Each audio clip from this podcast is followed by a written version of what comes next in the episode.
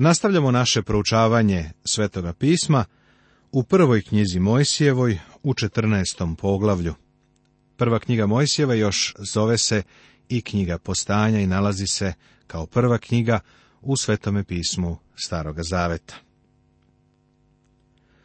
Kraljevi sa istoka porobljavaju Sodom i Gomoru.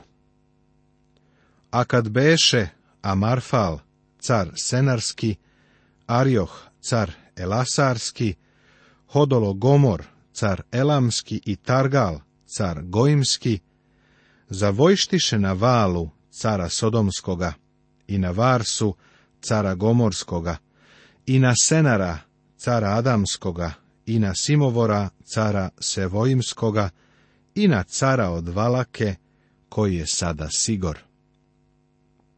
Pre svega, želim da kažem da je ovo jedan istorijski dokument. U prvih 11 poglavlja zabeleženo je da su kraljevi sa istoka potukli kraljeve Sodoma i Gomore. Izvestan broj godina kritičari i radikalni naučnici ovo su odbacivali. Govorili su da se imena ovih ljudi uopšte ne pojavljuju u svetovnoj istoriji, i da je ovo prilično smešna priča. Ali, da li si znao da su imena ovih ljudi pronađena na spomenicima i pločama, pokazujući da su oni postojali? U stvari, Amarfal je sada iz drugih izvora svetovne istorije poznat kao Hamurabi, zapis koji ovdje imamo je od izvanredne važnosti. Vodio se rat. I ovo je prvi rat koji se spominje u Svetom pismu. Ljudi su rano počeli da vode ratove. Iako je ovo prvi zabeleženi rat, ne znam da li je to i prvi rat koji se uopšte vodio. Mislim da pisac nema nameru da se stekne taj utisak. Ovaj rat zabeležen je radi Lota, Avramovog sinovca, koji je u njega bio uključen.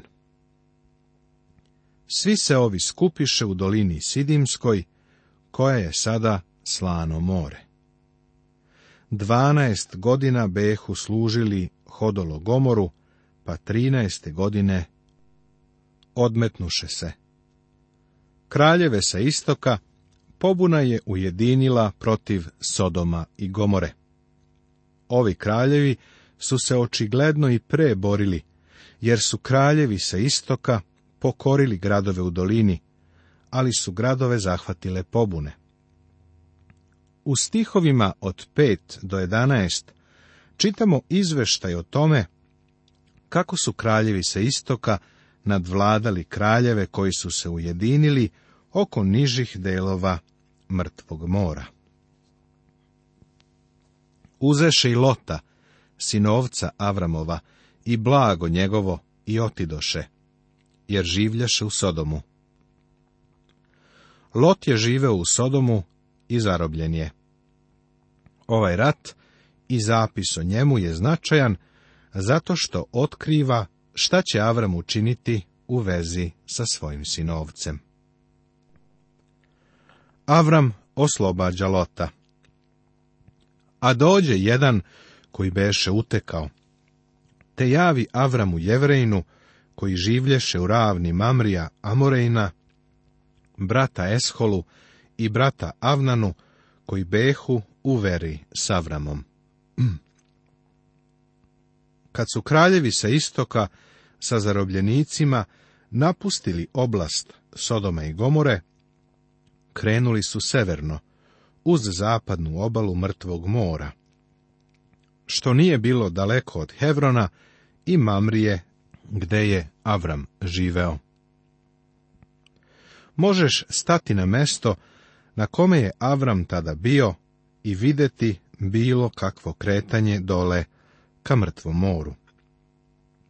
Tako, kada je Avram saznao za ovo, trenutno je počeo da goni neprijatelja koji se kretao ka severu. Koji življaše u ravni Mamrija? Zapazi da Avram ima sa sobom grupu ljudi. Toga dana oni su morali da budu zajedno zbog progona ili približavanja neprijatelja. Oni su mogli ili da se udruže ili da budu razdvojeni. A kad Avram ču da mu se zarobio sinovac, naoruža sluge svoje, 318 njih, koji se rodiše u njegovoj kući i pođe u poteru do dana. Ovo je iznenađenje i otkriva nam nešto rasprostranjenosti Avramovog poseda. Ovo nam ukazuje na broj slugu koje je Avram imao. U svom domaćinstvu mogao je da naoruža 318 ljudi. Koliko je onda imao onih koji se nisu naoružavali? Na primjer, bilo je žena, dece i starijih ljudi, ali oružje je moglo da nosi njih 318. Mogućnost da unajmi toliko ljudi govori o tome da je Avram imao razvijen posao sa uzgojem stoke i ovaca i pođe u poteru do dana. Dan je grad, gore na severu. Onde, razredivši svoje, udari na njih noću sa slugama svojim i razbi ih i otera ih do Hovala, koji je na levo od Damaska. Avram je ove ljude gonio celim putem na sever, sve do Damaska, a to je povelik deo. Avram je podelio svoje sluge. Jedna grupa je napadala, verovatno sleđa, dok su ih drugi gonili. Druga grupa je zaobišla, pa kada su se neprijatelji okrenuli da se bore sa prvom grupom, druga grupa je krenula na njih. Avram je tako izvojevao pobedu. U najgorem slučaju mogao je da ih tako raseje, da su bežali preko pustinje, ostavljajući ljude i plen koji su zarobili i povrati sve blago. Povrati i lota sinovca svojega s blagom njegovim i žene i ljude. Ponovo ovde vidiš kako su kao roblje vodili žene i druge ljude. Avram je učinio nešto divno, a učinio je to radi svog sinovca Lota. Baš zbog ovoga je sve do sada ispomenuto, ovo sasvim sigurno nije tuđe poglavlje. Ono je deo Avramovog života i vrlo je važno. A car Sodomski izide mu na susret kad se vrati, razbivši hodolo Gomora i careve što bejahu s njim u dolinu Savinu, koja je sada dolina careva.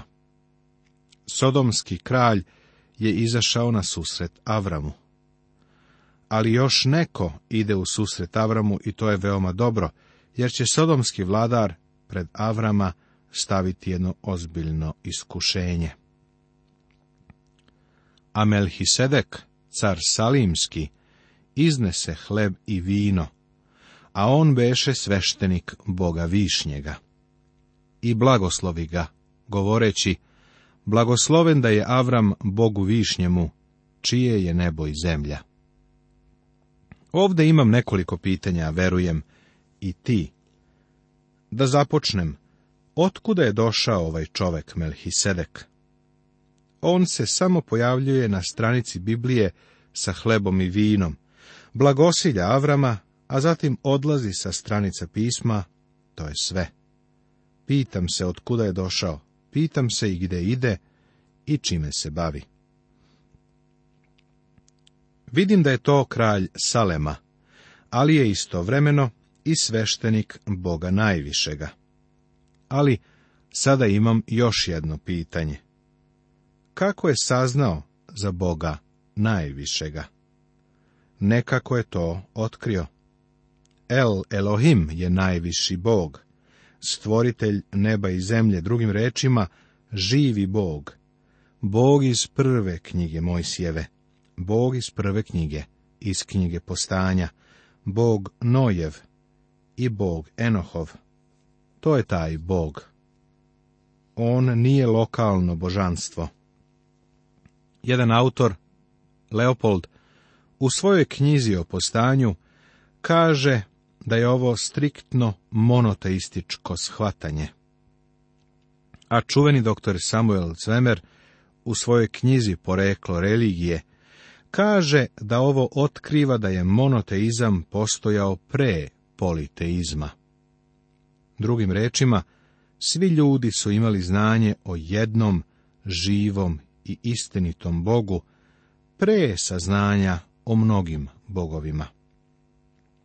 Jer iako su Boga poznali, nisu ga kao Boga proslavili, niti zahvalnost pokazali, nego u svojim mislima padoše u ništavnu varku, te potamne njihovo nerazumno srce. Ovo je zapisano u 21. stihu prvog poglavlja knjige poslanice Rimljanima, Svetoga pisma Novog Zaveta. Pavle nastavlja i kaže da su ljudi i dalje padali sve do tačke kada su počeli da obožavaju stvorenje više nego stvoritelja. Ipak, u Avramovo doba, evo čoveka koji je prvosveštenik u tadašnjem svetu. On posjeduje znanje o živom i istinitom Bogu. On je sveštenik živog i istinitog Boga. On dolazi, iznosi hleb i vino pred Avrama, ovo su i elementi večere gospodnje. Pitam se šta li je on imao na umu? Koliko je Melhisedek znao? Melhisedek se tri puta spominje u Svetom pismu. Pored ovog odlomka u prvoj knjizi Mojsijevoj, još se spominje u psalmu 110. u četvrtom stihu, i to je proročko ukazivanje na Isusa Hrista. Ti si sveštenik do veka, po redu Melhisedekovu. Konačno, nekoliko puta se spominje i u poslanici jevrejima. Posle čitanja jevrejima poslanice, znamo zašto o njegovom poreklu ništa nije rečeno u postanju, u prvoj knjizi Mojsijevoj. Ništa nije rečeno o njegovim roditeljima, i to je čudno, jer je knjiga postanja, knjiga porodica, knjiga porekla. Ona govori o poreklu ovih porodica. Svaki put, kada vidimo da se spominje čovek koji je važan u rodoslovlju, kao što je važan i Melhisedek, spomenu se i njegovi roditelji. On je sin toga i toga. Ili, ovo su potomci toga i toga. Ali Melhisedekov rodoslov nemamo. Pisac poslanice jevrejima jasno pokazuje da razlog zbog kojeg se ne spominju Melhisedekovi roditelji, kao ni početak, ni kraj njegovog života, jeste to što Hristovo prvosveštenstvo u svom početku jeste po redu Melhisedekovu.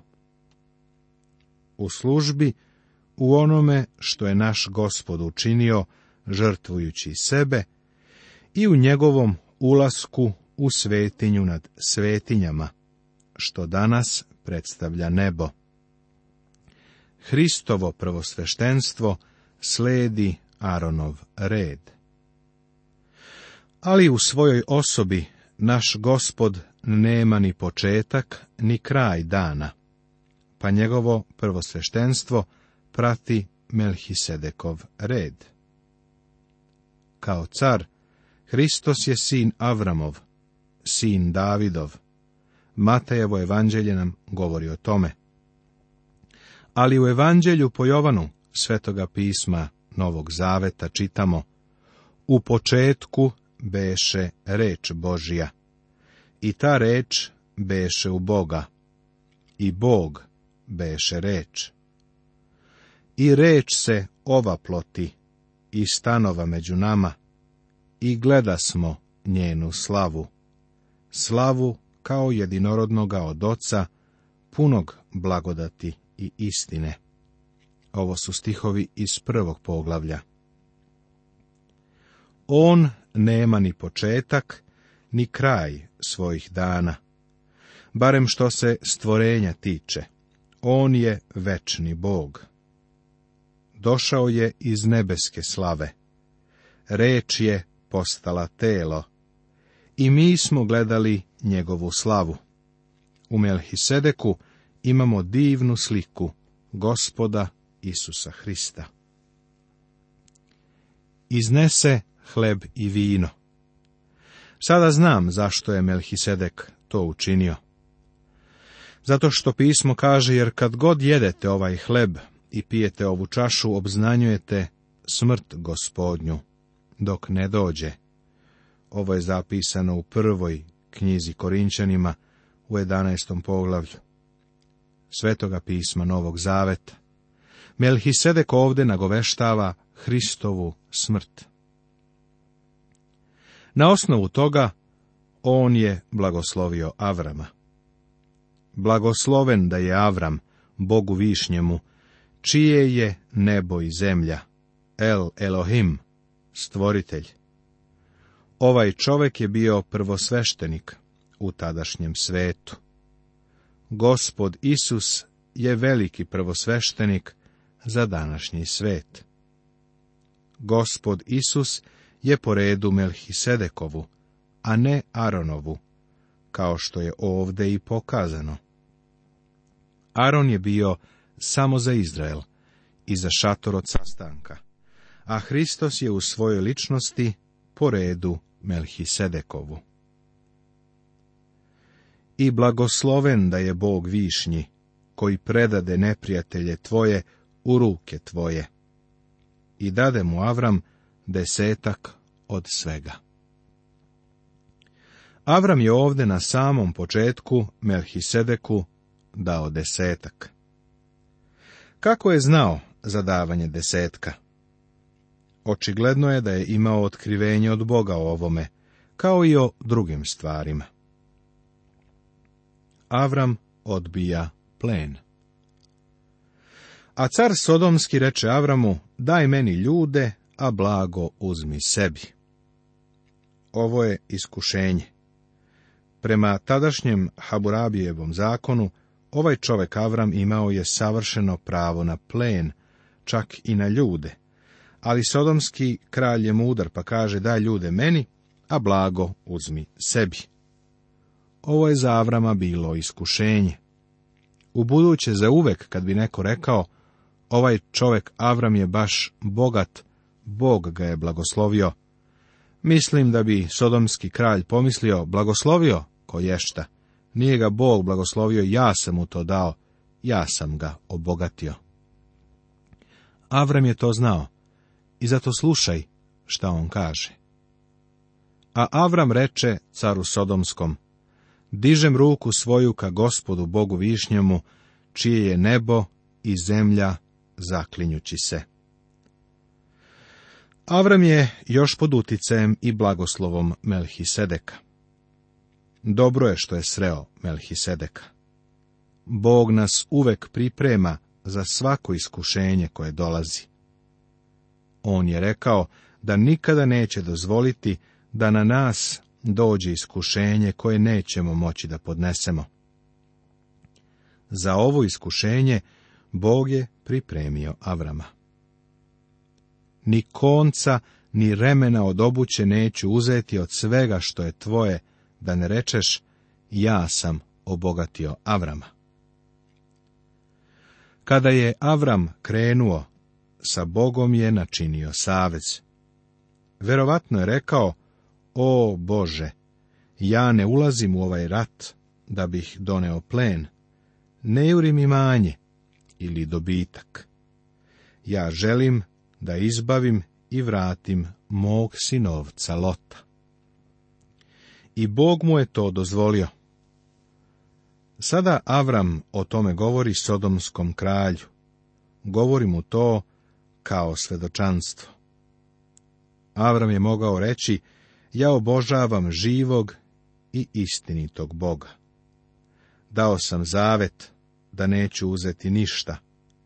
Ti me ne možeš učiniti bogatim neću ti dopustiti da mi daš remenje sa obuće, niti konac, jer da čak i samo to daš, išao bi okolo i pričao da si me obogatio. Ako se obogatim, onda će to biti Božija zasluga. Osim što su pojeli momci i osim dela ljudima koji su išli sa mnom, Esholu, Avnanu i Mamriju, oni neka uzmu svoj deo. Ali Avram kaže, ovi ljudi imaju pravo na plen i neka ga uzmu, ali ja neću ništa uzeti. Ono što su ovi mladi ljudi koji su sa mnom pojeli, to je njihova plata za to što su te služili i oslobodili. Ali što se mene tiče, meni ne možeš ništa dati. Nastavit će se.